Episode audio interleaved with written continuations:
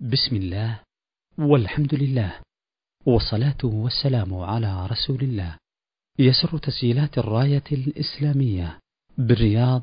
أن تقدم لكم شرح كتاب الجامع من كتاب المحرر للإمام ابن عبد الهادي رحمه الله تعالى والذي قام بشرحه فضيلة الشيخ عبد العزيز ابن مرزوق الطريفي بجامع عبد الله بن مسعود رضي الله تعالى عنه بحي العقيق بمدينة الرياض. والآن نترككم مع الشريط الأول. بسم الله الرحمن الرحيم. والحمد لله رب العالمين والصلاة والسلام على المبعوث رحمة للعالمين وعلى آله وصحبه ومن تبعهم بإحسان إلى يوم الدين. قال المؤلف رحمه الله تعالى كتاب الجامع. الحمد لله رب العالمين وصلى الله وسلم وبارك على نبينا محمد وعلى آله وأصحابه ومن تبعهم بإحسان إلى يوم الدين. فهذا كتاب الجامع ختم المصنف عليه رحمة الله كتابه بهذا الكتاب جمعا للأحاديث المتفرقة في ما يتعلق بالنية وكذلك جملة من فضائل الأعمال. وما رغب الشارع وحث عليه من الزهد والورع وإحسان القصد بالنية واجتناب المحدثات. وكذلك جملة من الآداب والأخلاق وجوامع كلمه عليه الصلاة والسلام. وهذه طريقة يسلكها بعض الأئمة عليهم رحمة الله في إيراد الأحاديث الجامعة من هدي رسول الله صلى الله عليه وسلم في قيامه وقعوده وذهابه ومجيئه وتعامله عليه الصلاة والسلام مع من حوله. يريدون ذلك في أواخر الأبواب. وتقدم الكلام أن طرائق العلماء عليهم رحمة الله في إيراد الأحاديث التي لا تندرج تحت أبواب الفقه أنهم يدخلونها في أبواب الأحكام عامة وأن العلماء في هذا النحو على طريقين. الطريقة الأولى من يريد ما جاء عن رسول الله صلى الله عليه وسلم سواء ما يتعلق بالأصول أو الفروع أو ما كان من أبواب الفضائل والأعمال والتفسير وغير ذلك من العلوم يدخلونها في أبواب الأحكام. وهذه الطريقة يسلكها الأئمة الأوائل قاطبة على اختلاف عندهم في أبواب الترتيب. فمن نظر إلى كتب الأحكام التي تصنف في هذا سواء كانت المسندة أو غيرها للأئمة الأوائل يجد أنهم يسلكون هذا المسلك. وأما المتأخرون فإنهم يريدون أحاديث الأحكام المتعلقة بالأحكام الفقهية على سبيل الانفراد. ولهذا البخاري عليه رحمة الله ومسلم وأبو داود والنسائي والترمذي وابن ماجه وغيرهم من الأئمة يريدون أحاديث الفقه ويضعونها مشتركة مع مسائل الدين من الإيمان وكذلك الآداب والسلوك والتفسير وغير ذلك. وإلى هذا جرى من صنف في الأحكام فغلبوا إطلاق الأحكام على أحكام الدين على سبيل التعميم وهذه طريقة غير واحد من الأئمة كالإشبيلي في كتاب الأحكام الوسطى والكبرى والصغرى وجاء بعد ذلك الأئمة ففرقوا بين بين ما كان من أبواب الفقه الحلال والحرام والعقود والفسوق وبين ما كان خارجا عن ذلك من مسائل الاعتقاد. ففصلت مسائل الاعتقاد عن مسائل الفقه وأفرد جماعة من العلماء المسائل المتعلقة بالأذكار والآداب والسلوك وكذلك الورع في مصنفات مستقلة وما زاد وما زال هذا الأمر يزداد تفصيلا لأمور الدين وفيه منفعة وفيه مضرة. من جهة المضرة أن تقدم في مواضع عديدة أنه ينبغي لطالب العلم أن يكون بصيرا بمسائل الدين على سبيل العموم. فإن مسائل الأحكام متداخلة فالعقائد متداخلة في أبواب الفقه من بعض الوجوه. وهذا يتحقق عند من تمرس في النظر في الوحيين في المواضع المتعلقة بمسائل الأصول كذلك في مسائل الفروع من الأحكام الفقهية وتعلقها في أبواب التفسير سواء ما يتعلق في علوم الآلة ما يتعلق بعلم العلل وغير ذلك كذلك ما يتعلق باستنباط الأحكام من التفسير وإدراجها في السنة فإن الأحكام الواردة في كلام الله عز وجل من المسائل الفقهية إذا أهملها طالب العلم باعتبار أنها ليست من السنة أو ليست من الفقه قصر في ذلك تقصيرا ظاهرا. وجهل طالب العلم بمواضع الآي المتضمنة للأحكام الفقهية وعدم فهمها قبل فهم المروي عن رسول الله صلى الله عليه وسلم وإشراكه بذلك وهي متعلقة في أبواب التفسير يحدث قصورا عند طالب العلم.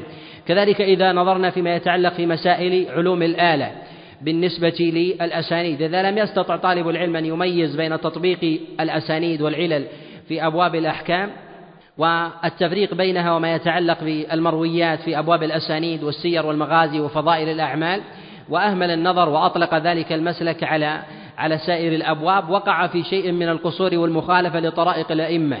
كذلك يوجد بعض القرائن والقواعد التي إذا استنبطها طالب العلم في بعض في بعض مسائل الدين من العقائد فإنها تندرج في كثير من أبواب الفقه كذلك في أبواب فضائل الأعمال وغير ذلك.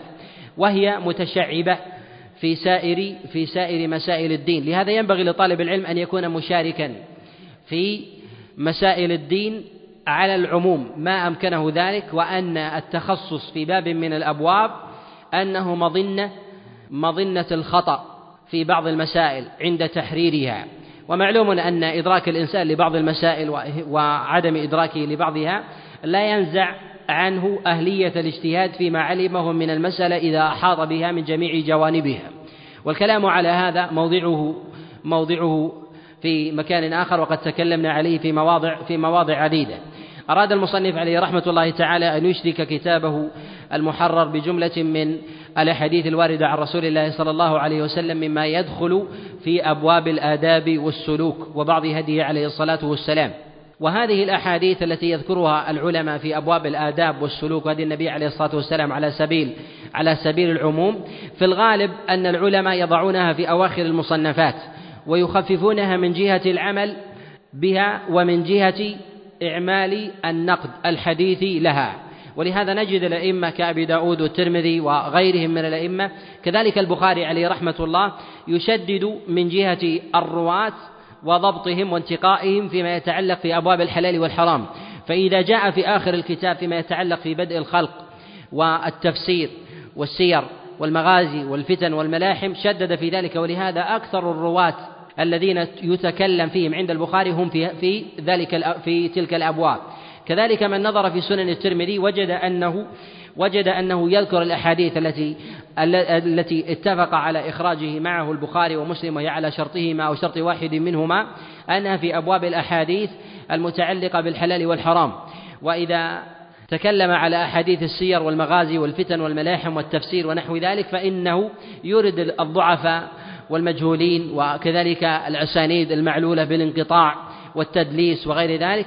ولهذا الأحاديث التي يصفها بالضعف أو الغرابة هي في نصف كتابه الأخير أكثر من الأول. كذلك الأحاديث التي التي يجردها من لفظ الصحة هي في آخر الكتاب أكثر من أوله لأن لأن الأول من كتابه هو متعلق بالأحكام في في الأغلب. ولهذا إعمال النقد فيما يتعلق في الجوامع وكذلك مسائل الفضائل والآداب كآداب دخول المنزل والخروج منه والذهاب إلى المسجد واللبس واللبس وكذلك العطاس والتثاؤب وهدي النبي عليه الصلاة والسلام في ذلك. أي إعمالها في هذا على سبيل التشدد ليس من طرائق الأئمة فإن الأئمة يخففون في ذلك ولا ويتشددون في أبواب الأحكام. وهذه الطريقة قد نص عليها غير واحد من الأئمة كالإمام أحمد عليه رحمة الله وكذلك يحيى بن سعيد كما نقله ذلك عنه البيهقي عليه رحمة الله في شعب الإيمان وكذلك نقله الخطيب البغدادي. فإنهم يتساهلون في أبواب السير والمغازي وفضائل الأعمال ويشددون في أبواب في أبواب الأحكام. وكتاب الجامع قد جمع فيه المصنف عليه رحمة الله جملة من الأحاديث المروية عن رسول الله صلى الله عليه وسلم مما يندرج في هذا في هذا الباب ويريد بذلك أن يسلك طريقة الأئمة عليهم رحمة الله تعالى الأوائل في إدراج الأحاديث المتعلقة في أبواب الآداب مع أحاديث الأحكام. نعم. أحسن الله إليك. عن عمر بن الخطاب رضي الله عنه قال قال رسول الله صلى الله عليه وسلم إنما الأعمال بالنيات وإنما لكل امرئ ما نوى. فمن كانت هجرته إلى الله ورسوله فهجرته إلى الله ورسوله. ومن كانت هجرته إلى دنيا يصيبها أو امرأة يتزوجها فهجرته إلى ما هاجر إليه. هذا الحديث الذي افتتح فيه المصنف كتاب الجامع وهو حديث إنما الأعمال بالنيات من الأحاديث المهمة وقد أخرجه البخاري ومسلم وسائر أهل الأصول. أخرجوه من حديث يحيى بن سعيد عن محمد بن إبراهيم عن علقمة بن وقاص الليثي عن عمر بن الخطاب عن رسول الله صلى الله عليه وسلم. وهذا الحديث هو فرد وغريب من هذا الطريق وقد جاء من وجوه أخرى عن رسول الله صلى الله عليه وسلم. بأحاديث لا تصح من حديث أبي سعيد الخدري وجابر بن عبد الله وغيرهم عن رسول الله صلى الله عليه وسلم ولا يصح منها شيء. ولا يصح هذا الحديث إلا بهذا الطريق مع أن الإمام مالك عليه رحمة الله تعالى قد روى هذا الحديث كما جاء في الصحيح إلا أنه لم يخرجه في كتابه في كتابه الموطأ وفي رواية المدنيين وكذلك في المصريين عنه. وإنما رواه عنه محمد بن حسن الشيباني عن الإمام مالك عليه رحمة الله وهو من أئمة الكوفيين.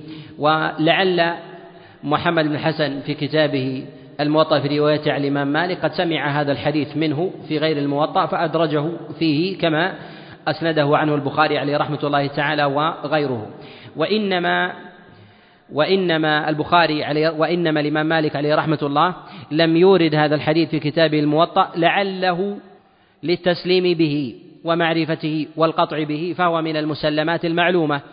ولهذا الأئمة عليهم رحمة الله تعالى لو كان الحديث من الأصول والدعائم العظيمة في الإسلام ومن المسلمات القطعيات لا يتشوفون إلى إراده في في الأحاديث والجوامع للتسليم بذلك.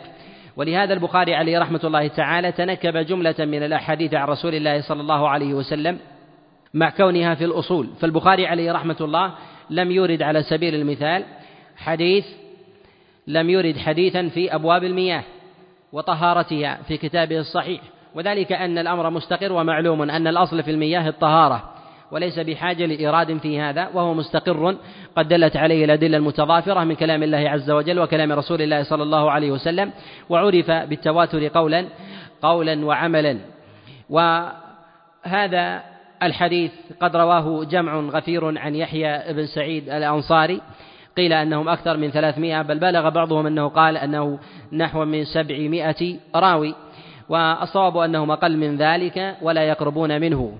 وقد ذكر غير واحد من العلماء أنهم أنهم بالمئات وهو الحديث وهو متواتر في الطبقة التي بعد يحيى بن سعيد. قد أسند هذه الروايات جماعة من العلماء إلا أن الذين ساقوا الرواة الذين رووا الحديث عن يحيى بن سعيد هم قلة. قد ساقهم ابن مندة عليه رحمة الله. قد ساق جملة متضافرة من الرواة نحوا من ثلاثمائة راوي. قد رووه عن يحيى بن سعيد عن محمد بن إبراهيم عن علقمة عن عمر بن الخطاب عن رسول الله صلى الله عليه وسلم. وهذا الحديث لا يصح من غير حديث عمر. كما نص على ذلك غير واحد من الحفاظ كعلي بن المديني وكذلك الإمام الخطابي وغيرهم.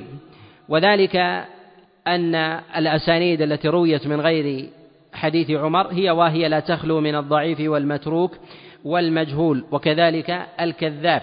ويكتفى في هذا الحديث وهو متواتر ولو كان إسناده غريبا. وهذا من جهة إطلاق التواتر على هذا الحديث وذلك من وجوه. الوجه الأول أن التواتر عند الأئمة عليهم رحمة الله يشيرون عند الأئمة الأوائل يشيرون بذلك إلى ما تلقته الأمة بالقبول. فما تلقته الأمة بالقبول من الأحاديث المروية عن رسول الله صلى الله عليه وسلم فإنه يطلق عليه التواتر. وقد نص على هذا الإمام أحمد عليه رحمة الله. على خلاف طريقة المحدثين في كتب الاصطلاح فإنهم يطلقون التواتر على ما تتابع على خلاف عندهم في حد التواتر في طبقة الرواة. منهم من قال أنه ما زاد عن ثلاثة فإنه يعد متواترا.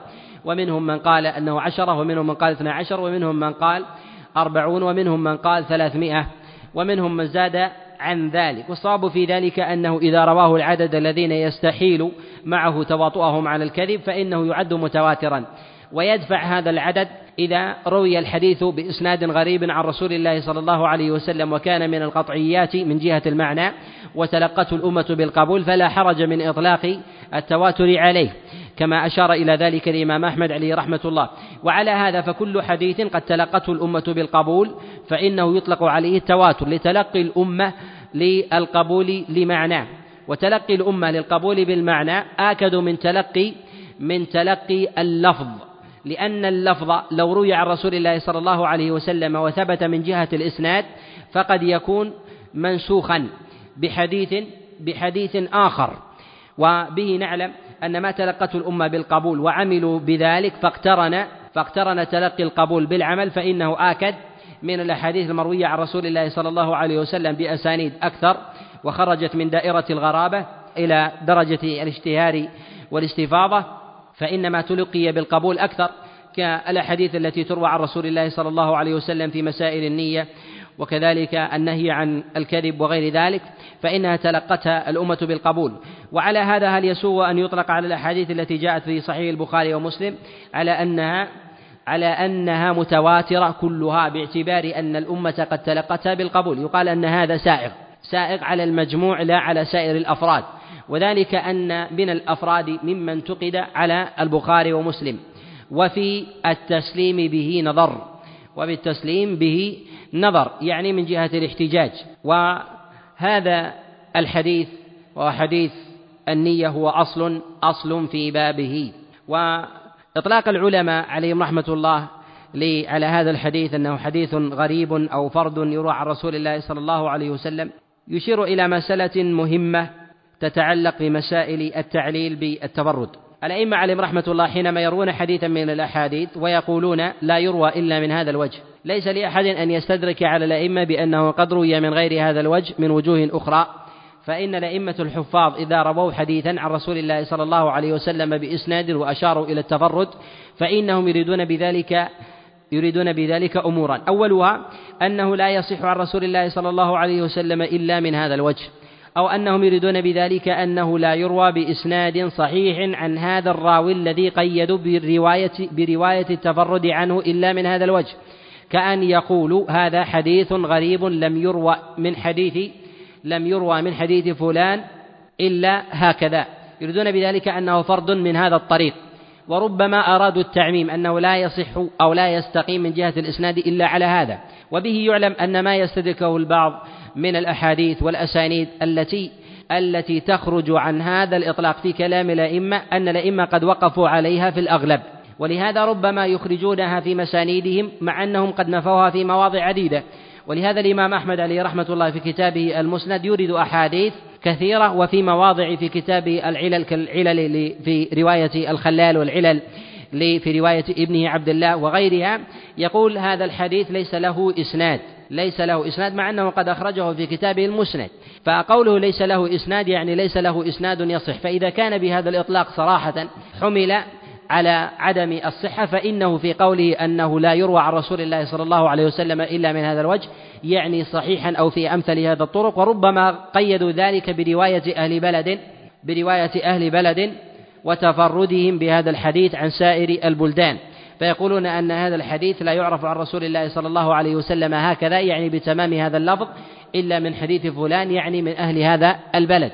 ولهذا ينبغي لطالب العلم أن يكون محيطا في مسائل القرائن في أبواب التعليل حتى لا يسر في نقد الأئمة عليهم رحمة الله في مسائل التعليل ويوهمهم ويغلطهم لأنه قد ظفر فيما فيما يخالف ظاهر إطلاقهم. ولهذا ينبغي أن يحترز خاصة عند الأئمة الذين يفردون في أبواب التفردات ويريدون الأحاديث الغرائب. كالدار قطني عليه رحمة الله في كتابه الأفراد والغرائب وكذلك وكذلك غيره ممن اعتنى في هذا الباب كالطبراني في معاجمه كذلك البزار في مسنده وغيرهم. فإنهم يريدون أحاديث ويقولون هذا الحديث لا يعرف إلا من حديث فلان يريدون بذلك أنه لا يصح بالأغلب إلا من هذا الوجه. وغير ذلك من الأحاديث فإنها على الوهم على الوهم أو أنها وردت لكنها لا تصح.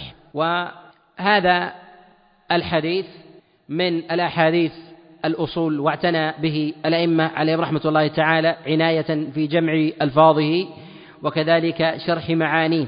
ومن أوسع ما صنف في ذلك كتاب للسيوطي عليه رحمة الله سماه بلوغ الآمال في شرح حديث إنما الأعمال. وجمع فيه المعاني والألفاظ والفقهيات وكذلك ما يتعلق في مسائل العقائد والآداب في حديث إنما الأعمال بالنيات. وهو حديث جليل القدر متعلق في أبواب الأصول ومتعلق في أبواب الفروع بسائر أنواعها وله أثر في أبواب في أبواب فضائل الأعمال. لأن النية هي الدافع للإنسان في أبواب في أبواب الأجور عنده. فكل شيء يتحصل معه الأجر في أبواب الأعمال أو في أبواب التروك فالنية داخلة داخلة فيه. وهو من أظهر جوامع كلم رسول الله صلى الله عليه وسلم.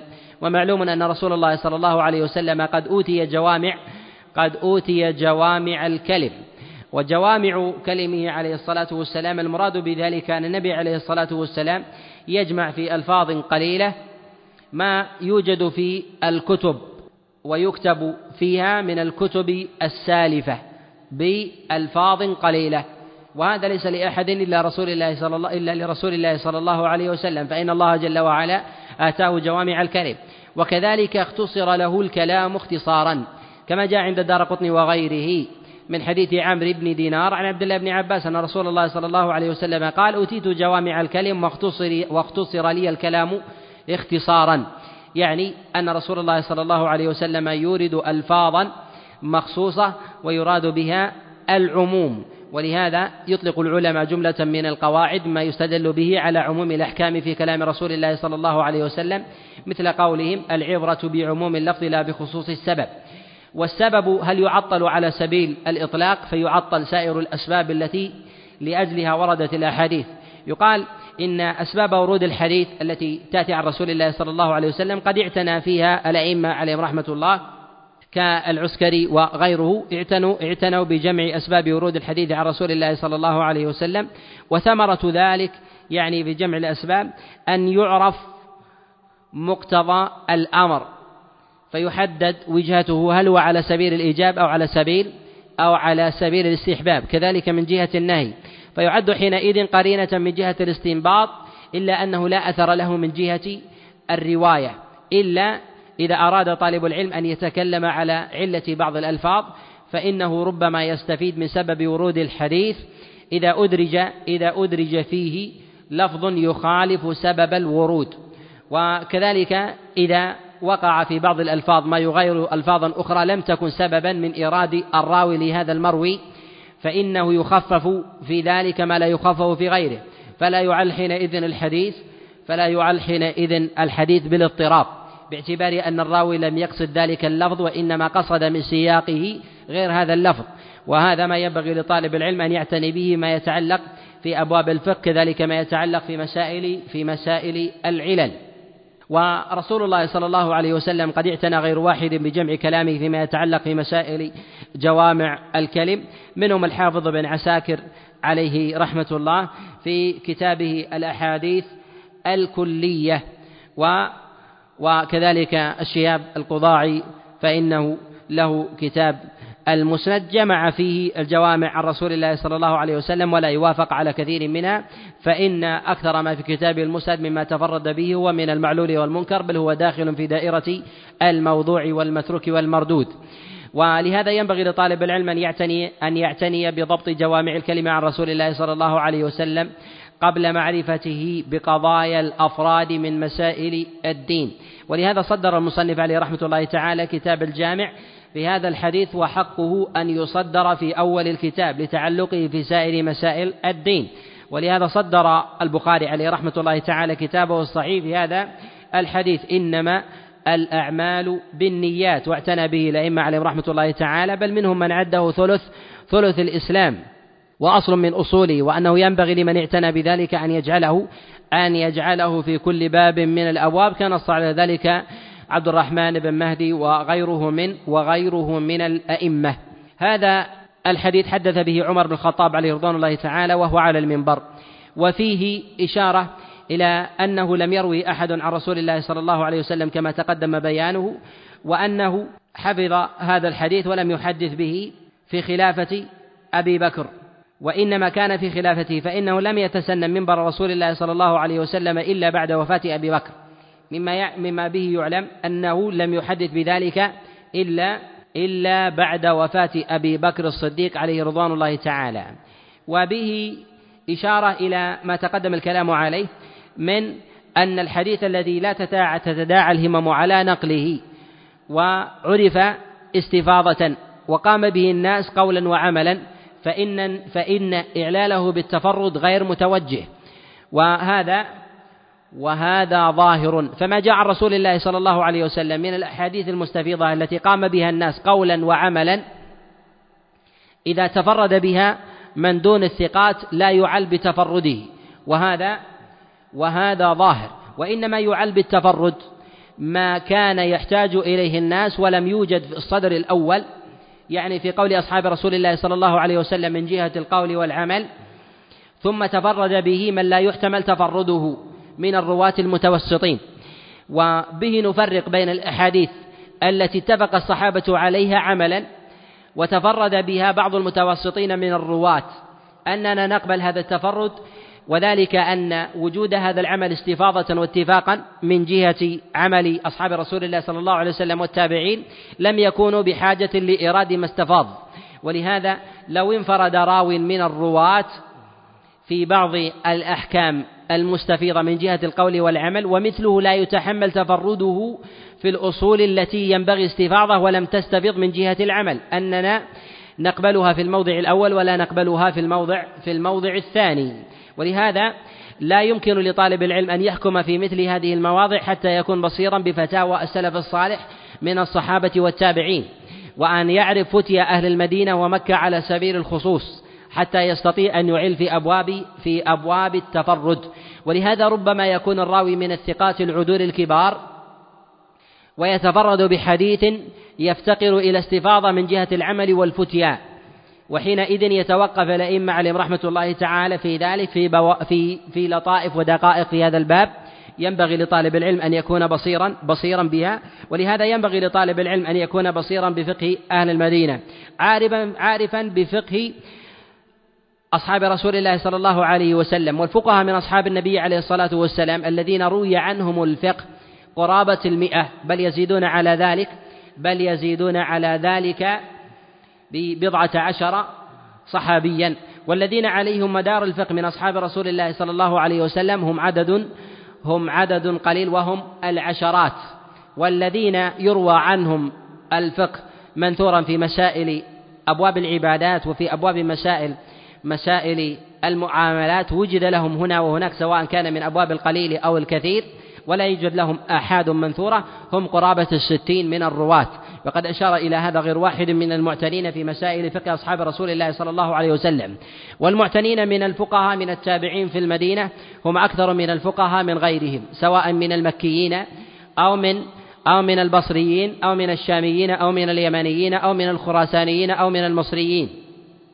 وبه ينبغي لطالب العلم أن يعتني بعمل التابعين الذين يعتنون بالفقه عن رسول الله صلى الله عليه وسلم أو عن أو عن أصحاب رسول الله. كذلك أن يعرف طبقات أن يعرف طبقات الفقهاء من التابعين بحسب اختصاصهم. فلعبد الله بن مسعود أصحاب يعتنون بفقهه كعلقمة والأسود وعبد الرحمن بن يزيد ومسروق بن الأجدع وشريح القاضي وغيرهم من الرواة لعبد الله بن عمر أصحاب يعتنون بفقه ولعبد الله بن عباس أصحاب يعتنون بفقه وله أصحاب يعتنون بالرواية عنه في أبواب التفسير. ولعمر بن الخطاب عليه رضوان الله تعالى أناس يعتنون في أبواب الأقضية من قوله وله أصحاب يعتنون فيما يروى عنه من أبواب الفقه وكذلك للخلفاء الراشدين أئمة يعتنون بهذه الأبواب. كذلك من الفقهاء من يعتني بأبواب الأقضية. من أصحاب رسول الله صلى الله عليه وسلم ستة وقد تقدم الكلام عليهم كعمر بن الخطاب عليه رضوان الله تعالى وأبي موسى الأشعري وعبد الله بن مسعود وهؤلاء مدرسة والمدرسة الأخرى علي بن أبي طالب عليه رضوان الله تعالى وزيد بن ثابت وأبي بن كعب وهؤلاء وهؤلاء مدرسة ولهم أصحاب يرون عنهم في أبواب الأقضية كذلك ما يتعلق في أبواب العبادات ينبغي لطالب العلم أن يكون متبصرا باختصاص الرواة في أبواب العبادات فنجد إبراهيم النخعي من المعتنين في أبواب الصلاة وفقهها كذلك نجد في أبواب المناسك من يعتني في ذلك كعطاء ابن أبي رباح. كذلك ما يتعلق في أبواب البيوع والعقود والفسوق. نجد هناك من يعتني في هذه الأبواب كسعيد بن المسيب وسعيد بن جبير وغيرهم من وغيرهم من الأئمة. لهذا ينبغي معرفة مراتب العناية في هذا الباب على سبيل التخصيص في مسائل فقه أهل المدينة ومكة فإن مدار الفقه عليهم. وإذا لم يوجد الفقه عملا عند أهل المدينة ومكة فلطالب العلم أن ينظر في أبواب التعليل في التفرد خاصة فيما أجمعوا عليه. وما كان مستفيضا وتفرد به من هو دون دون الثقات من المتوسطين. وكانت المسألة من أعلام المسائل ومشهورها فإنه في الغالب يعل في أبواب التفرد. لهذا ينبغي أن يعلم أنه ليس لطالب العلم أن يعل حديثا من الأحاديث في أبواب التفرد. ولو كان من المتوسطين إذا وجد عملا وإطباقا في قول الأئمة عليهم رحمة الله تعالى من التابعين وأتباع التابعين خاصة فقها في أبواب في في بلدان الإسلام التي هي المنبع كمكة والمدينة والمدينة على سبيل على سبيل التخصيص. وعمر بن الخطاب عليه رضوان الله تعالى في تحديثه لهذا الحديث في في خطبته بعد بعد وفاة أبي بكر فيه إشارة إلى أن هذا الحديث لم يحتج إليه لاستفاضته وإنما أورده في مثل هذا الموضع إرادة للإشهار فيما يظهر كذلك دفعا دفعا لكتمان ما روى ما يحفظ عن رسول الله صلى الله عليه وسلم خشية أن تخترمه المنية ولم يبلغ ما جاء عن رسول الله صلى الله عليه وسلم. أو ربما لورود بعض الأقوال الشاذة التي خرجت عن مواضع الإجماع فيما يتعلق في أبواب النية فحدث بذلك عن رسول الله صلى الله عليه وسلم. من المسائل التي ينبغي ينبغي أن يتبصر فيها في هذا الحديث. في قوله عليه الصلاة والسلام هنا إنما الأعمال قوله هنا إنما هي أداة حصر بالاتفاق. وقد اتفق على ذلك العلماء. وإنما قيلت بالأعمال لأن الأصل في أحوال الناس أنهم في فعل من جهة التعبد وذلك أن الأصل في العبادات أنها أفعال لا تروك. الأصل في العبادات أنها أفعال لا تروك.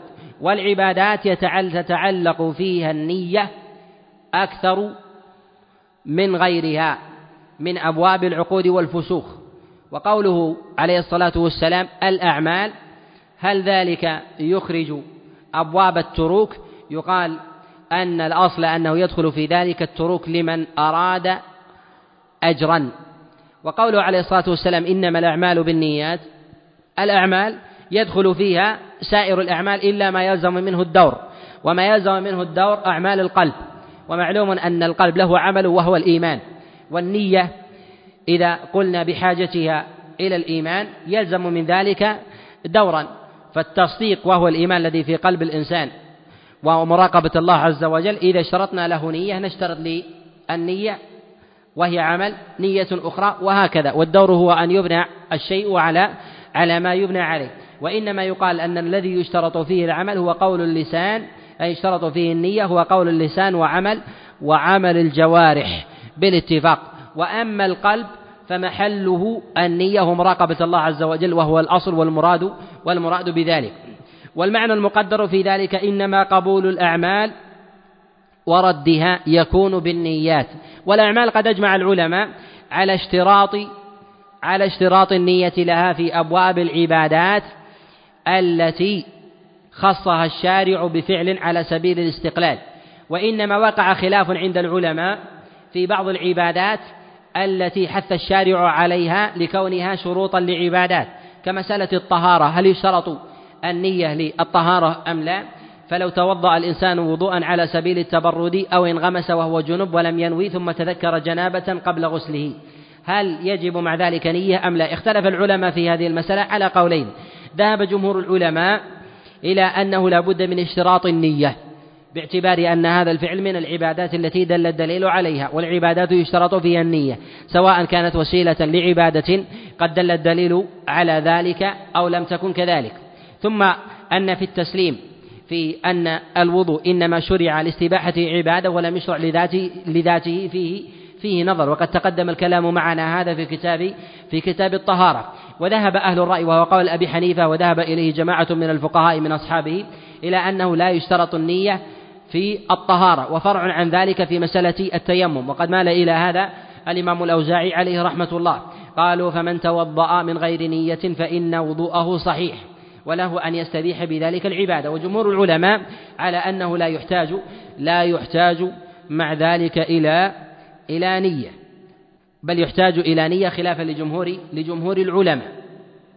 والنية في ذلك شرط لصحة لصحة العمل. وأما ما كان من أبواب من أبواب التروك فلا يخلو الترك حينئذ من حالين. الحالة الأولى أن يكون تركا على سبيل على سبيل التعبد. فما كان على سبيل التعبد فإنه يجب في تحقق في تحقق الإثابة عليه والبطلان والصحة أن يتوفر النية. فإذا لم تتوفر النية فإن الترك في ذلك باطل. وأما إذا لم يكن من أبواب العبادات وإنما قد نهى الشارع عن فعل وأمر وأمر بتركه. فإن الإنسان في هذه في تركه لهذا الفعل لا يأثم إذا لم يصاحبه نية. مثال ترك الإنسان للزنا أو للسرقة أو للفسوق وغير ذلك على سبيل التعميم ولم يستحضر في ذلك نية يقال أنه لا يأثم. ولكن لا يتحقق له الأجر في هذا الترك حتى يحتسب الأجر أنه ترك السرقة مع قدرته عليها وترك الزنا مع قدرته عليه إلا لله جل وعلا وخوفا من عقابه فإنه حينئذ يثاب على ذلك. وهذا قد أخرجه الشارع الحكيم في أبواب النية كما أخرجه الشارع في أبواب في أبواب الحث والحظ. ولهذا رسول الله صلى الله عليه وسلم قال كما جاء في حديث النعمان بن بشير في الصحيحين وغيرهما قال من اتقى الشبهات فقد استبرأ لدينه وعرضه. قال في قوله هنا لعرضه فيه إشارة إلى أن الإنسان إذا ترك المحرم خشية أن يقع الناس في عرضه من أن يطعن فيه فلا يليق برجل من سلالة كرماء أن أن يزني أو أن يكذب أو أن يفجر وغير ذلك. فإذا كان دافعه لذلك هذا الأمر فإن هذا من الأفعال المحمودة. ولكن من جهة الأجر لا يثاب على ذلك باعتبار أن أنهم لم يخلص النية لله. كذلك من جهة أطر الناس وأمرهم وحثهم على أعمال الخير فإن لك أن تأمر الإنسان بترك المنكر لأنه ابن فلان أو لأنه من الكرماء أو من أهل الشيمة والعزة والكرامة ونحو ذلك والأنفة فلا يليق به أن أن يسرق أو أن يزري أو أن يكيد أو أن يختلس النظر الحرام ونحو ذلك فإن هذا لا بأس به من جهة وازع واستثارة وازع الطبع. وأما من جهة العبادة فليس لك أن تفرد النصيحة بالأمر بالصلاة فتقول صل يا فلان فإنك فإنك من أهل من أهل فلان أو من القبيلة الفلانية. على سبيل التجرد ولكن لا حرج أن تنصحه بالصلاة آمرا آمرا بالامتثال بأمر الله ولأنه من أبناء فلان ونحو ذلك فإن هذا من الوازع الذي يجوز الاشتراك فيه كما جاء في حديث النعمان بن بشير وغيره. والنية من جهة الأعمال لا يصح قبولها في فروع الإسلام إلا من مسلم وذلك أن الإنسان إذا كان وذلك أن الإنسان إذا كان كافرا ففعل قربى لله عز وجل على سبيل الإخلاص فتصدق بصدقة على سبيل السر وهو كافر لا تتقبل منه تلك النية باعتبار أن الأصل في ذلك لم يتحقق وهو الإسلام ولا يرفع له في ذلك عمل. ويستثنى من ذلك حالة واحدة وهي أن الكافر إذا فعل فعلا في حال كفره مخلصا لله جل وعلا من غير أن يخلص لصنمه ووثنه ونحو ذلك ثم دخل الإسلام فإنه يقبل معه حينئذ بعد دخوله الإسلام ما أخلص فقط حال كفره. والدليل على ذلك ما جاء في الصحيح من حديث حكام بن من حديث حكيم بن حزام أنه جاء إلى رسول الله صلى الله عليه وسلم فقال يا رسول الله أرأيت أفعالا كنت أتحنث بها في الجاهلية؟ هل يقبل لي من عملي شيء بعد أن أسلمت؟ فقال رسول الله صلى الله عليه وسلم أسلمت على ما أسلفت على ما أسلفت من خير. وبه نعلم أنه من باب أولى أن الإنسان إذا فعل فعلا حال إسلامه وهو مخلص لله جل وعلا ثم ارتد عن الإسلام ثم رجع إلى إسلامه أن قبول ذلك العمل إذا فعله حال إخلاص وإسلام واحتسابه له بعد رجوعه عن ردته أنه من باب أولى من حال الكافر الذي فعل ذلك الفعل حال كفره فيكون حينئذ قبول العمل للمسلم حال إسلامه وإذا ارتد بطل عمله وحبط ثم دخل للإسلام أن الله جل وعلا يعيد له ما كان في صحيفته فيما فعله في حال في حال إسلامه من باب أولى وهذا من مواضع الخلاف عند عند العلماء. والنية هي من التجارات الرابحة التي ينبغي للعالم والمتعلم وكذلك العامل على سبيل العموم أن يحرص على على تحقيقها. فهي من التجارات العظيمة. ولهذا قال غير واحد من العلماء النية تجارة العلماء يعني أنهم يكسبون بأعمال يفعلونها على سبيل الارتجال فيستحضرون نية فيذهبون إلى المسجد ويستحضرون نوايا عديدة منها الذهاب ومنها احتساب المشي للقوة ومنها أن يرى من حوله من جماعة المسجد ونحو ذلك فيصلهم ويبذل السلام. وأن يحسن إليهم ويتودد إليهم فيحصل له في أبواب العبادة جملة من الأعمال الصالحة وهي من التجارات. ولهذا يوصف الرجل صاحب صاحب الحذق الذي يربح بالدينار الواحد دنانير فيقال أن هذا الرجل الحاذق. والعلماء عليهم رحمة الله تعالى تجارتهم النية فإنهم يعرفون مداخل القلب فيخلصون النية لله جل وعلا في جملة الأعمال التي يبتدرونها فيتحقق لهم من ذلك أجرا عظيما بعمل بعمل يسير. لهذا ينبغي للعالم أن يستحضر النية. من جهة مما لا بد للنية منه مما إذا أشرك مع الله جل وعلا غيره حبط عمله وأثم ودخل, ودخل في دائرة الشرك. كذلك في العمل الصالح أن يستحضر أن يستحضر ما يحتف بذلك العمل من الأعمال التعبدية الأخرى كالخطى في ذهابه إلى وليمة أن يحتسب الصلة والسلام والإحسان وغير ذلك وهو يذهب إلى وليمة من صلة الأرحام ونحو ذلك.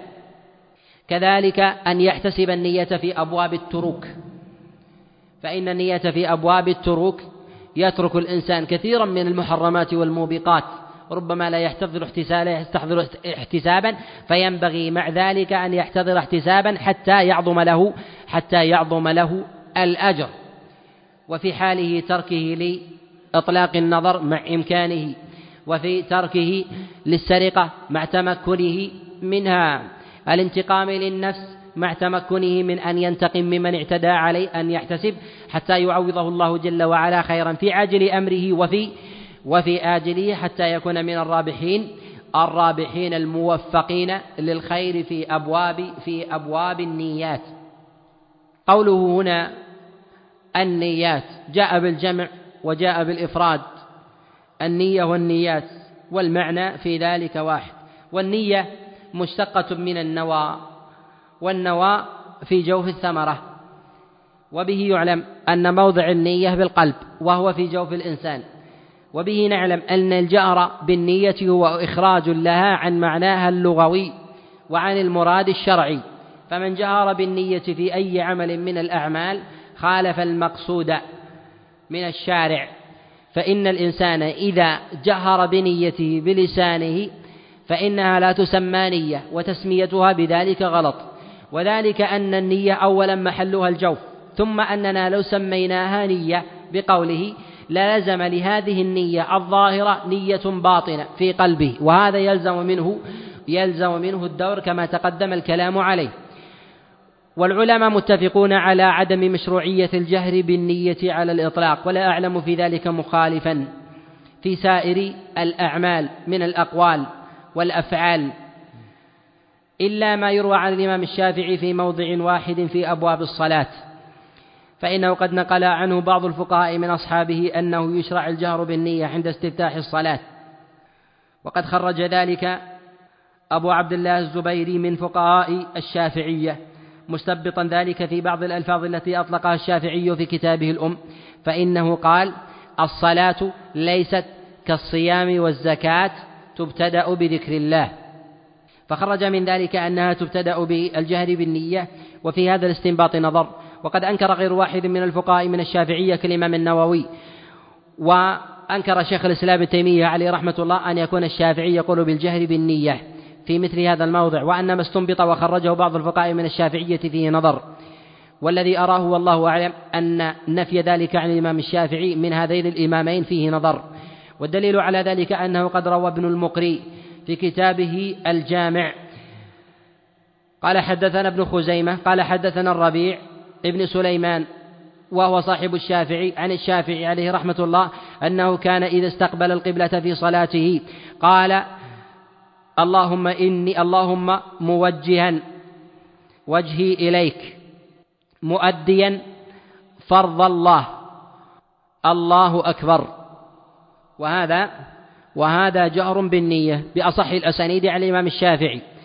ولعل ما نقله بعض الفقهاء ممن نفى ذلك القول عن الشافعي كالنووي وغيره أرادوا هذا الأصل عن الإمام الشافعي وهو من طريق أخص أصحابه وهو الربيع بن سليمان المرادي. وبه يعلم أن الشافعي عليه رحمة الله يقول بالجهر بالنية في هذا الموضع ولكنه لا يقول به في غيره. وأما ما يروى عن بعض الفقهاء من السلف كمجاهد بن جبر أنه أشار إلى أو نقل عنه الجهر بالنية في الحج فإنه أراد بذلك التلبية وهو أن الإنسان يلبي فيقول لبيك حجا أو لبيك عمرة وأراد وأراد بها هذا هذا المعنى.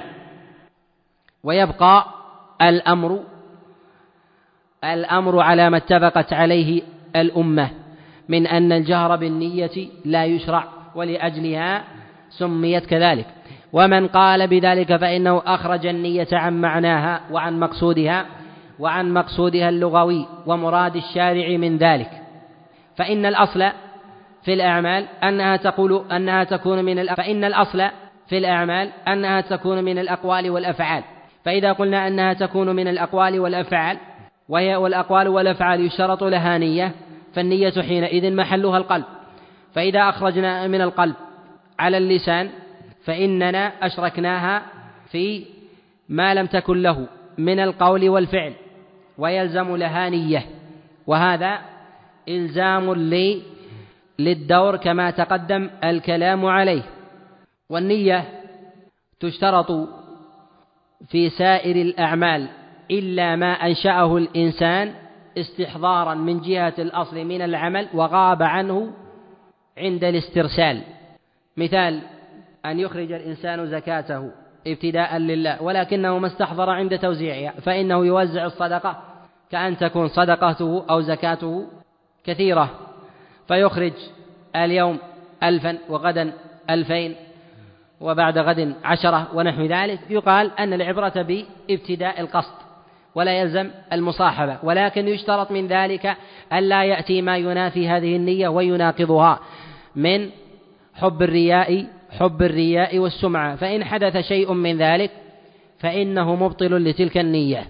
وهنا مسألة وهي أن الإنسان إذا كان يكثر من عمل من الأعمال يرتجله على سبيل التيسير اليسيرة من الأقوال والأفعال.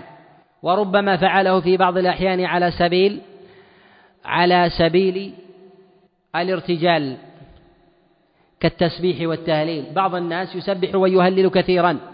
فربما إذا قام قال بسم الله وجلس بسم الله وإذا سئل عن نية لا يستحضر من ذلك شيء. أو ربما إذا كان بين اليقظان والنائم لكثرة ذكره يذكر الله ويسبح لله ونحو ذلك.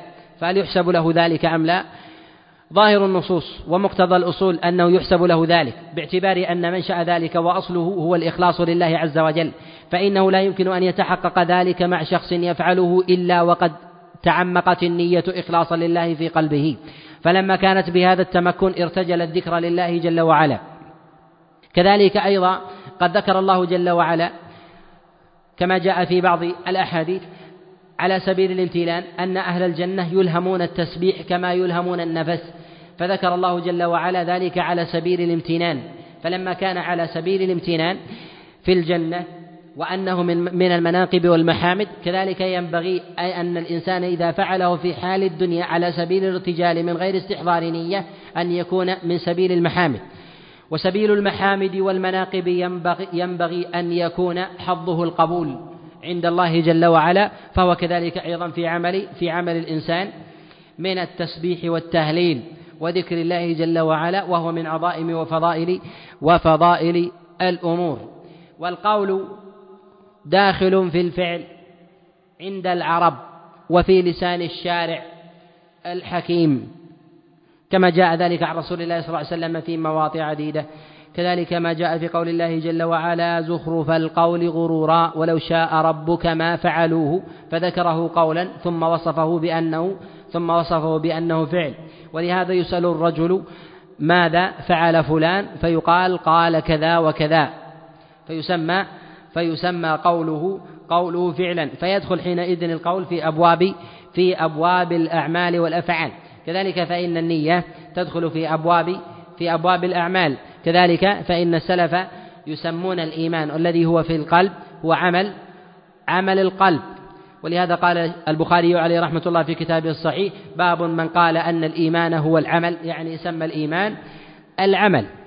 وقوله عليه الصلاة والسلام وإنما لكل امرئ ما نوى. إنما أعاد هنا على سبيل التأكيد والحصر وهذا المعنى متضمن لي المعنى الأول وإنما لكل امرئ ما نوى أي ليس له أن يأتيه أجر ما لم ينوه مما فعله الإنسان من غير استحضار نية كأن يخرج الإنسان مالا سهوا أو غلطا أراد أن يعطي المال ابنه أو ينفق المال على نفسه فوقع في يد غيره فإن هذا لا بد من له من نية. فإذا تحقق ذلك فهو في الأعمال التي تنوى لغير الله أولى ألا يكون للإنسان منها نصيبا وهي حابطة ويأثم عليها الإنسان. وفرق بين الصورة الأولى والثانية أن الإنسان إذا فعل عبادة على سبيل السأو أنه لا يأثم ولكن ليس له أجر. إلا إذا احتسب بعد ذلك فإنه يتقبله الله جل وعلا. وإما إذا فعل عبادة بنية لغير الله فإن العمل حابط وهو آثم وأشرك بفعله ذلك. ولهذا ينبغي للإنسان أن يحرص على النية فإن القلب ربما يصرف الإنسان إلى أعمال ظاهرة قوية جليلة القدر.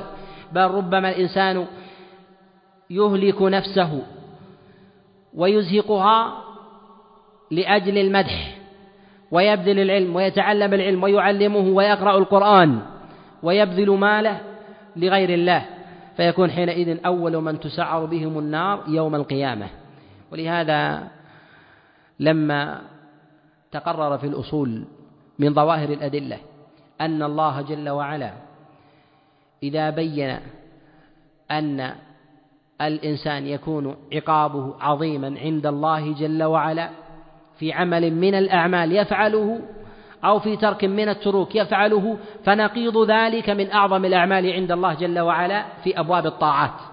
فإذا دل دليل على أن الزنا عقابه عند الله عز وجل عظيم واحتسب الإنسان تركه مع القدرة عليه فليعلم أن الثواب عند الله جل وعلا عظيم في أبواب التروك. كذلك إذا دل الدليل على عظم الثواب في عمل من الأعمال كالصلوات ونحو ذلك فإن التروك عند الله جل وعلا عظيم كذلك. ولهذا قامت النية مقاما عظيما فكان فكانت سببا في أول من يقضى ويدخل إلى النار. كما جاء عن رسول الله صلى الله عليه وسلم كما في صحيح مسلم من حديث سليمان بن يسار عن أبي هريرة قال قال رسول الله صلى الله عليه وسلم أول ما يقضى من الناس يوم القيامة رجل يؤتى به فيعرفه الله نعمته فيعرفها فيقال ماذا عملت بها؟ فيقول يا رب قاتلت في سبيلك حتى قتلت. فيقال له كذبت. قاتلت ليقال جريء. وقد قيل ثم يؤمر به فيسحب إلى النار فيدخلها. ثم يؤتى برجل قد تعلم العلم وعلمه وقرأ القرآن فيقال له ماذا عملت؟ فيقول يا رب تعلمت القرآن تعلمت العلم وعلمته وقرأت القرآن فيقال له كذبت وإنما تعلمت العلم وعلمته ليقال عالم وقرأت القرآن ليقال قارئ فقد قيل فيؤمر به فيسحب بالنار على وجهه ثم يؤتى برجل فيعرفه الله نعمته فيعرفها فيقول ماذا عملت بها؟ فيقول يا رب لم أدع بابا من أبواب من أبواب الخير. أمرت بها إلا وأنفقت في سبيل الله. فيقال كذبت. أنفقت ليقال جواد. فقد قيل. فيؤمر به في النار فيجر إليها فيدخلها.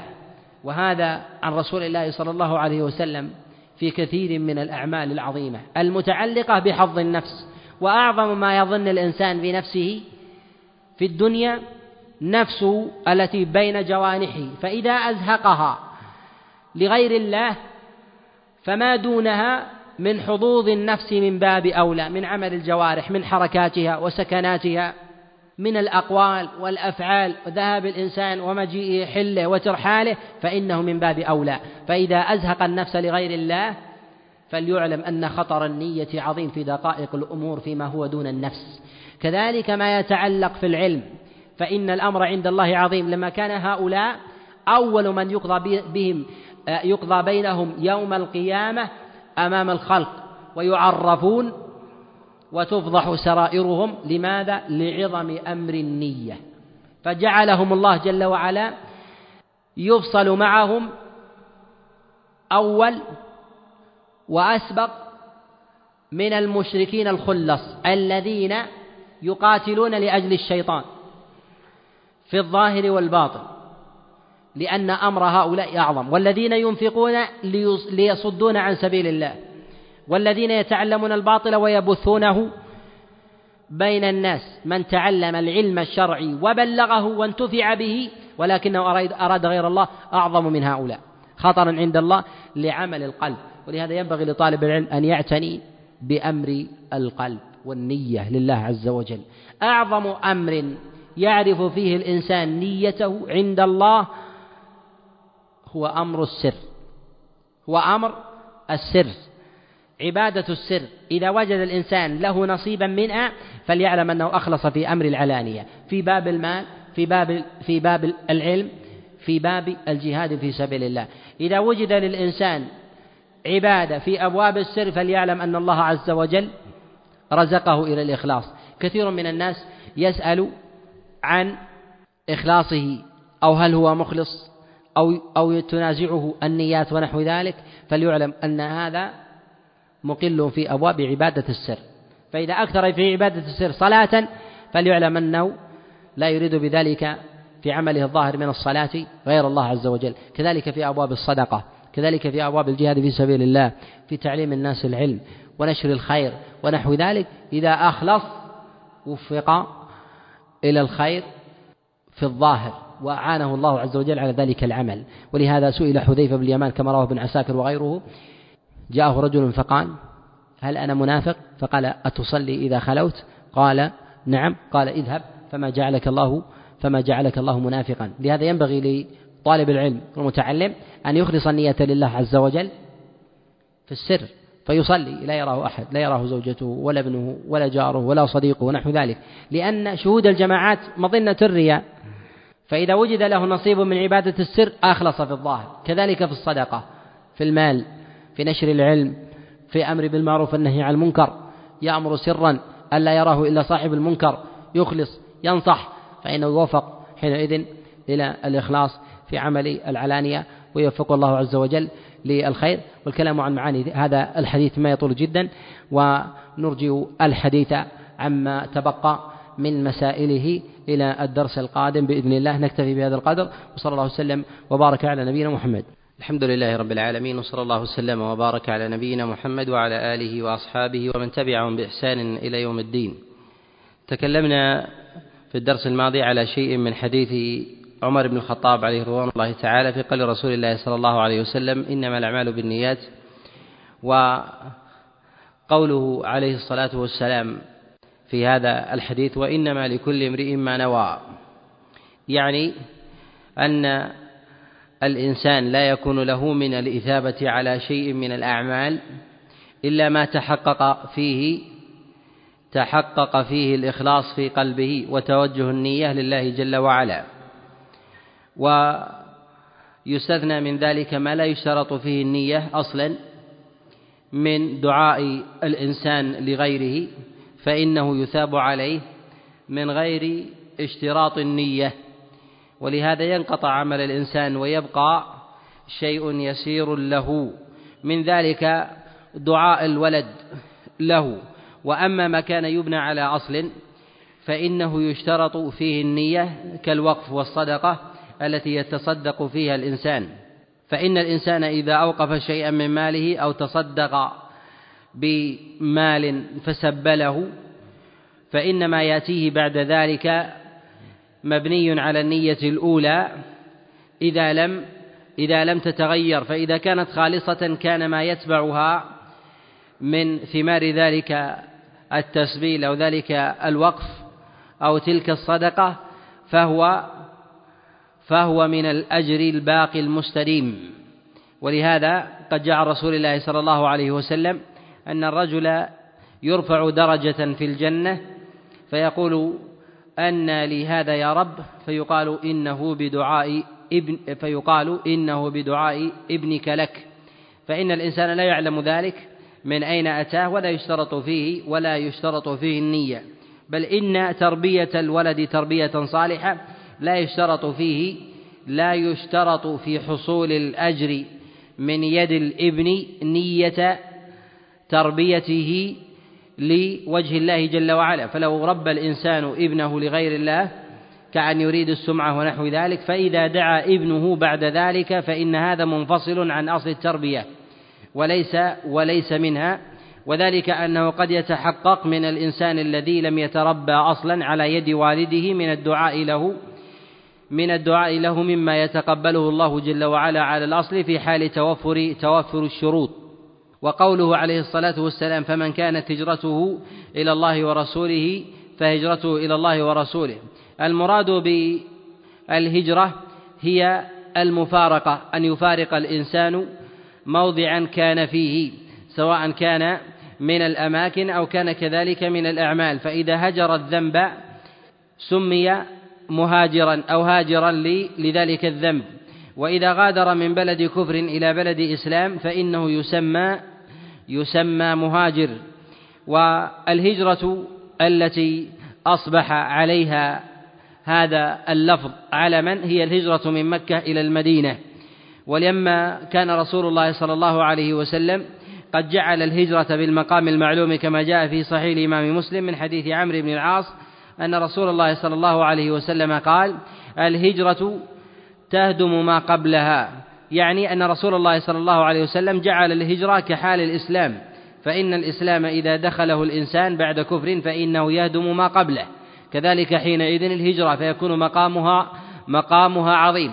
ولهذا خصت في هذا الحديث بالذكر لأهميتها وجلالة قدرها وكذلك عظم عاقبتها للإنسان عند الله جل وعلا. ولما كانت كذلك كان أن يطرأ عليها من النيات الفاسدة خطره بقدر بقدر عظم فضلها على الإنسان. وبهذا يعلم ما قررناه في مواضع متقدمة كثيرة أن ما دل الدليل على فضله فإن نقيضه يدل على جرمه.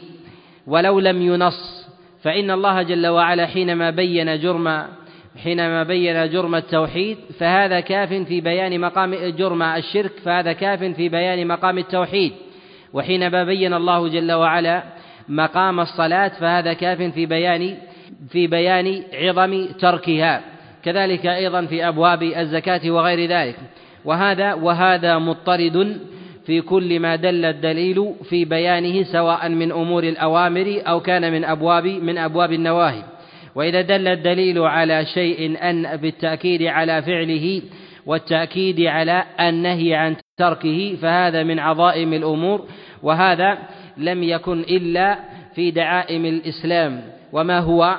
من المعلوم بالضرورة من الفطر ومن نظر ذلك وجده وجده مضطردا في أحكام في أحكام الإسلام. وقوله عليه الصلاة والسلام فهجرته إلى الله ورسوله كأنه جعل جواب الشرط هنا مماثل للشرط فجعل أن من هاجر إلى الله ورسوله هو كحال من هاجر إلى الله ورسوله.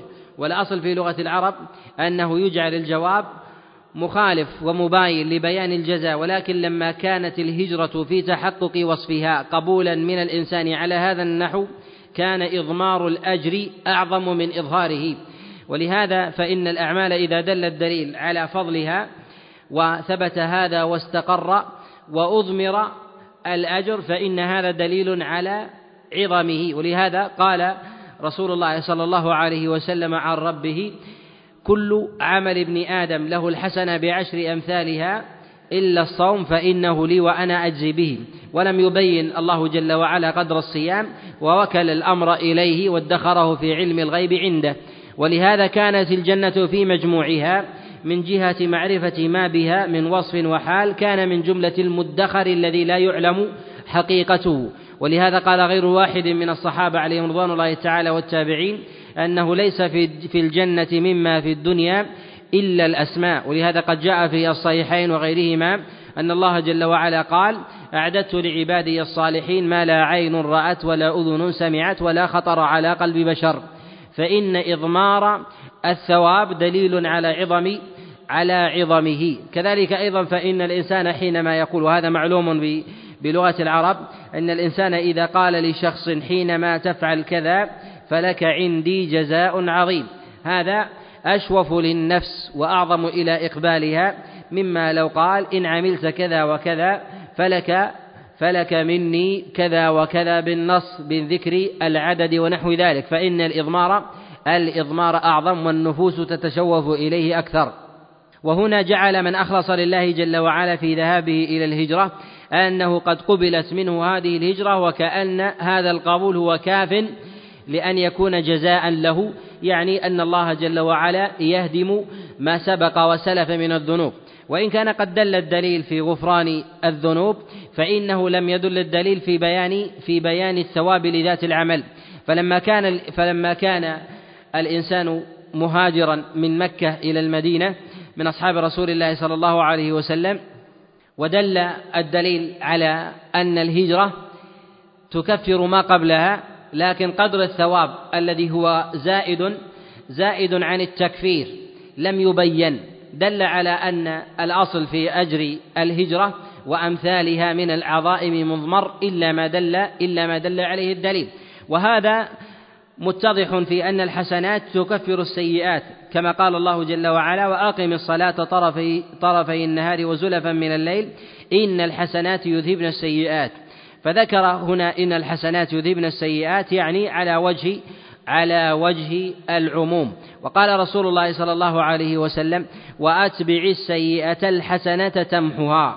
وهذا في كل حسنة يفعلها الإنسان فإنها تكفر ما يقابلها من المآثم. وأما ذات الأجر المتحصل في ذات العبادة وهو القدر الزائد عن مسألة التكفير فهذا فهذا مضمر. ولا أعلم عملا من أعمال البر. قد دل الدليل على وصف ثواب الإنسان وصفا معلوما ويكون هذا الثواب ويكون هذا العمل من الأعمال ودعائم الإسلام العظيمة. قد جاء في بعض فضائل الأعمال التي تكون دون ذلك مرتبة. وإن كان من جهة الأصل المتقرر حتى ما دل الدليل على وصفه فإنه اسما أما من جهة الحقيقة فلا علم فلا علم لأحد في هذا في هذا الباب. ومن هذا يعلم أن إضمار إضمار الثواب في كثير من الأعمال هو تعلق بهذا الأصل العظيم الذي طرد عليه الشارع في في ثواب الإنسان. ولهذا يؤتى في كثير من أعمال البر بجواب مجمل باستحقاق الجنة والنجاة والنجاة من النار. لكن حقيقة الجنة التي يثاب عليها الإنسان ومرتبتها التي يتحصل بها فإن هذا من جهة الوصف لم يكن معلوما ولو جاء معلوما في بعض الأحوال لم يكن معلوما في تلك الأفراد الموصوفة كما يوصف الإنسان في حينما يسبح أو يهلل ويحمد من حصوله على غرس في الجنة في حال ذات الغرس ومعرفة صفته ونوعه فإن هذا مما لا يستطيع الإنسان أن يكون عالما عالما به. وقوله عليه الصلاة والسلام ومن كانت هجرته إلى دنيا يصيبها أو امرأة يتزوجها فهجرته إلى ما هاجر إليه. قوله عليه الصلاة والسلام إلى دنيا ذكر هنا ذكر هنا لفظ العموم والأصل في طريقة النبي عليه الصلاة والسلام والمشرع أنه يبدأ بالإجمال ثم ثم يعقب ذلك بالتفصيل فبدأ هنا بذكر الدنيا والهجرة لأجل الأزواج ومتع الدنيا هي داخلة داخلة في داخلة في الدنيا وهذا وهذا غالب في وغالب في الاستعمال وهو من التدرج في البيان. قال عليه الصلاة والسلام إلى دنيا يصيبها سميت الدنيا دنيا إما لدناءتها وإما لكون لكون مرتبة لكون مرتبتها دون مرتبة الآخرة. وكلا المعنيين كلا المعنيين صحيح. وقوله عليه الصلاة والسلام فهجرته إلى ما هاجر إليه لم يذكر ذلك على سبيل على سبيل بيان عقوبة الله جل وعلا لمن فعل ذلك باعتبار دناءة هذا الأمر. ومعلوم أنه في الحالة السابقة ذكر أن من هاجر إلى الله ورسوله فهجرته إلى الله ورسوله. ومن هاجر إلى دنيا يصيبها أو امرأة يتزوجها فهجرته إلى ما هاجر إليه. لم يعيدها كحال الهجرة الأولى وإنما ذكرها من باب الضمير تحقيرا تحقيرا لها. لهذا قال فهجرته إلى ما هاجر إليه. ما قال فهجرته إلى دنيا يصيبها أو امرأة ينكحها كحال اللفظة الأولى تنقصا لها وتنزيها من ذكرها على اللسان مرة أخرى وكأنها إنما ذكرت في المرة الأولى من باب من باب البيان. يذكر بعض الشراح في مثل هذا الحديث أن رجلا من أصحاب رسول الله صلى الله عليه وسلم هاجر لامرأة يتزوجها في المدينة يقال لها أم قيس. وهذا لا يثبت عن رسول الله صلى الله عليه وسلم وإنما هو من الموقوف عن عبد الله بن مسعود عليه رضوان الله تعالى كما رواه كما رواه سعيد بن منصور من حديث الأعمش عن شقيق عن عبد الله بن مسعود عليه رضوان الله تعالى أن رجلا هاجر ليتزوج امرأة يقال أو تسمى أم قيس فسمي مهاجر أم قيس. وهذا إسناده صحيح وهو موقوف على عبد الله بن مسعود إلا أن الصلة بين هذا وبين حديث إنما الأعمال بالنيات ليست ليست بظاهرة. وبهذا يعلم أهمية النية وقدرها وأثرها على العبادة. وخلاصة ذلك فإن أثر العبادة وأهميتها كذلك في عمل الإنسان أنها تظهر في بابين. الباب الأول في فيما يتعلق في العقائد. وهي مسائل الإيمان فإنها الفيصل بين أهل الإيمان وبين أهل الشرك سواء كان أهل الشرك الأكبر الذين يخرجهم شركهم من من الإسلام. فمن عمل عملا على سبيل الأصل لغير الله جل وعلا فهذا مشرك خارج عن ملة الإسلام. ومن عمل عملا من جهة الأصل لله جل وعلا ولكن قد شابته نية فدخلت عليه من الرياء والسمعة فهذا فهذا قد أحبط عمله إلا أنه ليس بكاف خارج عن خارج عن الإسلام وإنما يقال أنه بهذا العمل أنه بهذا العمل قد أحبط العمل واستوجب العقاب باعتبار أن الشرك الأصغر هو في مرتبة بين الكبائر وبين وبين الكفر المخرج من الملة.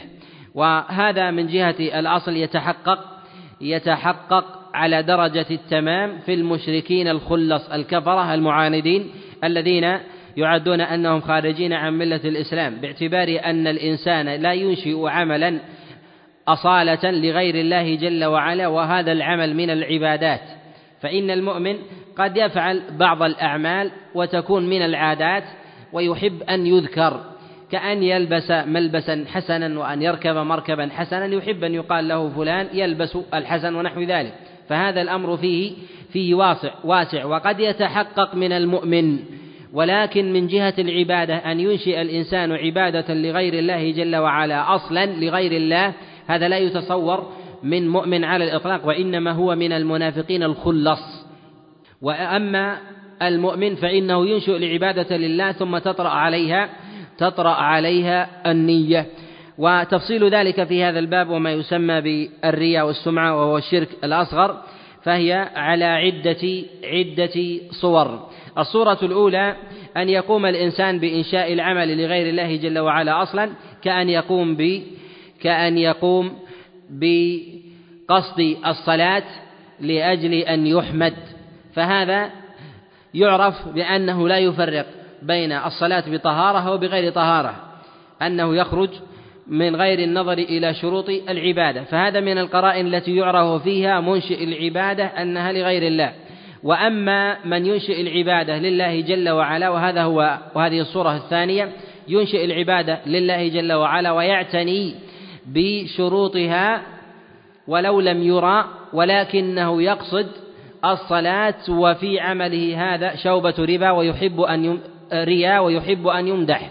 وهذا في عمله ذلك قد أحبط أجر ذلك العمل لأن الله جل وعلا يقول كما في الخبر القدسي أنا أغنى الشركاء يعني الشرك من أشرك معي غيري تركته وشركه يعني وكلته إلى إلى من أشرك من أشركه معي. وهذا ولو كان أمرا يسيرا. وهذا لا يخلو أيضا لا يخلو أيضا من صورتين. الصورة الأولى أن تشارك النية ذلك العمل ابتداء فيخرج هو على سبيل الأصل لله جل وعلا لكن النية مشوبة. ولكن النية النية مشوبة. إما أن يكون هذا الرجل يصلي الصلوات الخمس سواء في بيته أو في المسجد لكنه قصد المسجد ليراه فلان لأنه حاضر في مثل هذا الوقت وهو من جهة الأصل يصلي.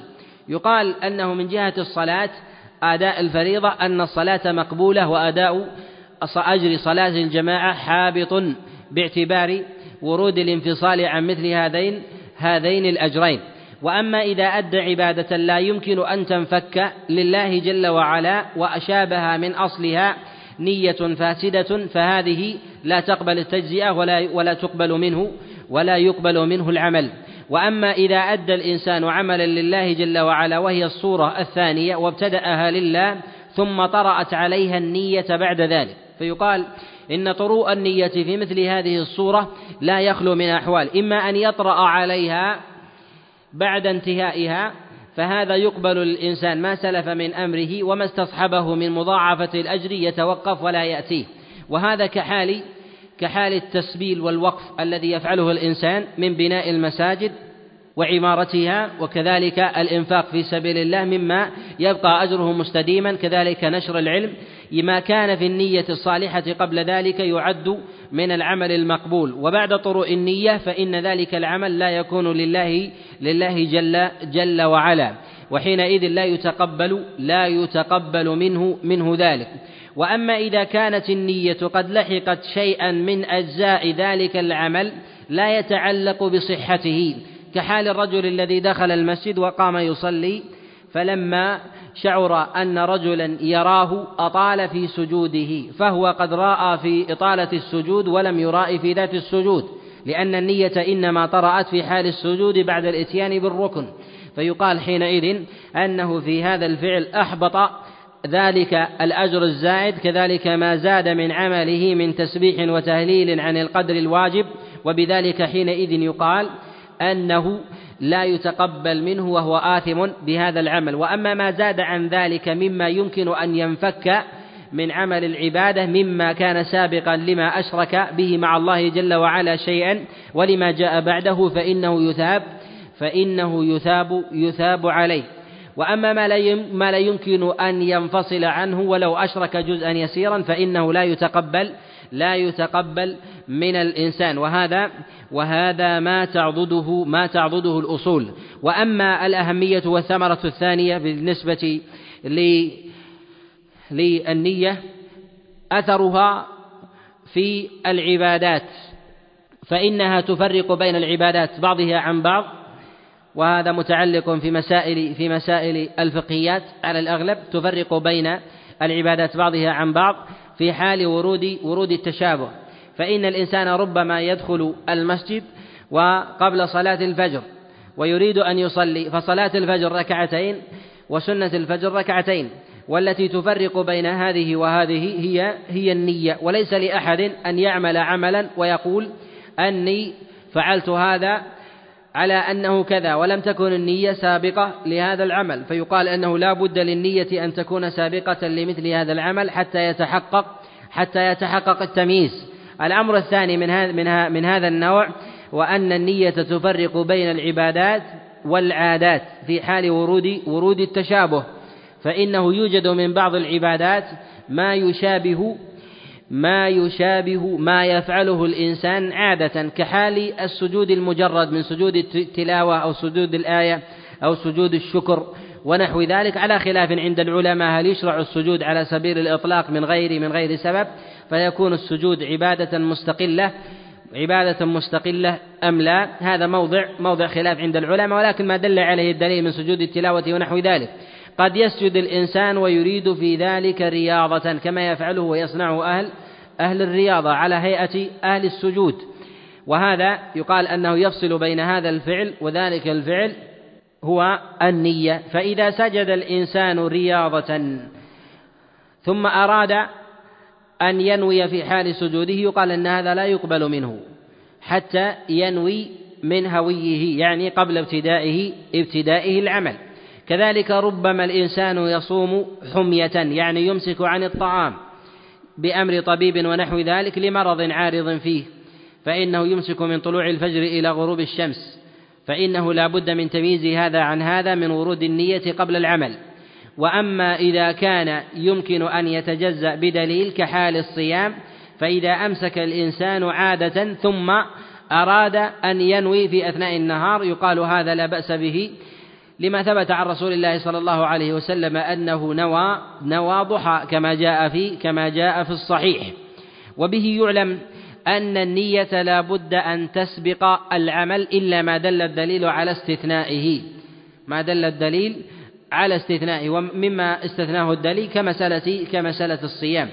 فإن الصيام ابتداءه يكون من طلوع الفجر فلو طعم الإنسان بعد طلوع الفجر ليس له أن ينوي في أثنائه. باعتبار أن صحة العمل لا بد أن تكون من أول الوقت وأما النية فيجوز أن تكون من ثناياه ولا بد أن تكون النية كذلك مصاحبة للعمل أو باقية على الأصل لا يطرأ عليها ما ينقضها. إما أن تكون مصاحبة أو لا يطرأ عليها ما ينقضها في حال نسيانها أو الغفلة عنها. مثال ذلك أن الإنسان أن الإنسان يقوم بالتعبد بالصيام ثم يغفل عن استحضار النية وأجر الجوع والظمأ ونحو ذلك ويتغافل ربما لا يتذكر إلا إلا عند عند الفطر. يتذكر أنه صائم وقد عقد النية قبل ذلك. في حال نسيانه في أثناء النهار لا بد من لا بد من النظر إلى إلى مفسد تلك النية. هل طرأ ما يفسد تلك النية؟ أي أنه جلب إلى قلبه نية فاسدة أي أنني أمسك ليراني فلان من الناس مفطرا معه فيظن أني فيعلم أني صائما هذا اليوم. فهذا يقال أن هذا يفسد يفسد ذلك ذلك العمل. وأما إذا بقي على أصله ولو نسي النية ولم تكن مصاحبة على سبيل الاستدامة فيقال إن هذا العمل إن هذا العمل صحيح لأنه لم يطرأ عليه لم تطرأ عليه نية نية فاسدة. نعم. نعم. يقول هنا ما يسمى عند الفقهاء بقطع النية. هل الإنسان إذا أراد أن يقطع العبادة بالنية يكون كحال من أفسدها أم لا؟ يقال لا بد من التفريق بين أمرين. الأمر الأول بين النية بقطع العمل وبين نية فعل المفسد المبطل العمل أما الحالة الأولى وهي أن ينوي الإنسان أن يبطل العمل فبمجرد النية يبطل العمل لأن العمل ما انعقد إلا بنية ودل الدليل عليه وكذلك أيضا يفسد بورود النية الفاسدة المبطلة له. بمجرد النية يبطل العمل. ومثال ذلك أن يقول الإنسان أني صائم هذا اليوم أريد أن أقطع صيامي فهو مقطوع الآن. والحالة الثانية أن ينوي الإنسان فعل المفسد. وصورة ذلك أن أن يكون الإنسان صائما ثم ينوي الذهاب إلى إناء فيه ماء ليشرب وما نوى قطع النية. ثم لما جاء إلى الإناء وجده فارغا قال إذا سأستمر بصيامي هذا نوى فعل المفطر وما نوى قطع الصيام. في الحالة الثانية لا لا يفطر وأما في الحالة الأولى فيفطر بالاتفاق وهذا وهذا لا خلاف عند العلماء فيه. وفي الحالة الثانية لا يفطر على الصحيح على قول جماهير جماهير العلماء. لأن رسول الله صلى الله عليه وسلم بدر منه ذلك فكان يأتي إلى عائشة عليه رضوان الله تعالى فيقول أعندكم شيء؟ ونوى فعل المفطر. ولما لم يجد ذلك أو تعذر عليه فإنه فإنه يتم صيامه عليه الصلاة والسلام. جاء في الحديث النبي عليه الصلاة والسلام قال إني أصبحت صائما. فهل عندكم شيء؟ نعم. طبعا لأن الشارع ذكرها. الشارع ذكر ذلك أنه لا يقربه شيطان. فهذا من الأسباب التي ذكرها الشارع ورخص في قصدها. من الذي يقرأ الأذكار ويقصد دفع أسباب الشر التي نص عليها الشارع بل يقال أنه مأجور في ذلك محتسب. وما فعل ذلك إلا ليقين في قلبه. ما فعل ذلك إلا ليقين في قلبه. فالإنسان لو لم يكن لديه يقين أن هذه الآية أو السورة تدفع الشيطان ما قرأها. فهو قرأها تعبدا لله وطلبا بما أخبر به رسول الله صلى الله عليه وسلم من دفع الشرور أو جلب أو جلب المنافع. كالذي يستغفر يريد إنزال المطر أو يستغفر يريد الأولاد ونحو ذلك. هذا كله دل دل عليه الدليل. نعم. إذا نوى يرجى أنه يحصل له النية. إذا دخل المسجد وكان حديث عهد بوضوء فنوى سنة الوضوء وتحية المسجد. يحصل له الأجر. ونوى إذا كان في الحرم إذا كان قد توضأ بعد الطواف أنها تكون ركعتي الطواف أيضا. نعم. طيب لو قلنا الآن نافلة مطلقة ومقيدة من الذي يحكم التقييد والإطلاق؟ الشرع. تحية المسجد ليست مقيدة وإنما هي عبادة مطلقة. معنى التقييد ليس التقييد بزمن التقييد بوصف.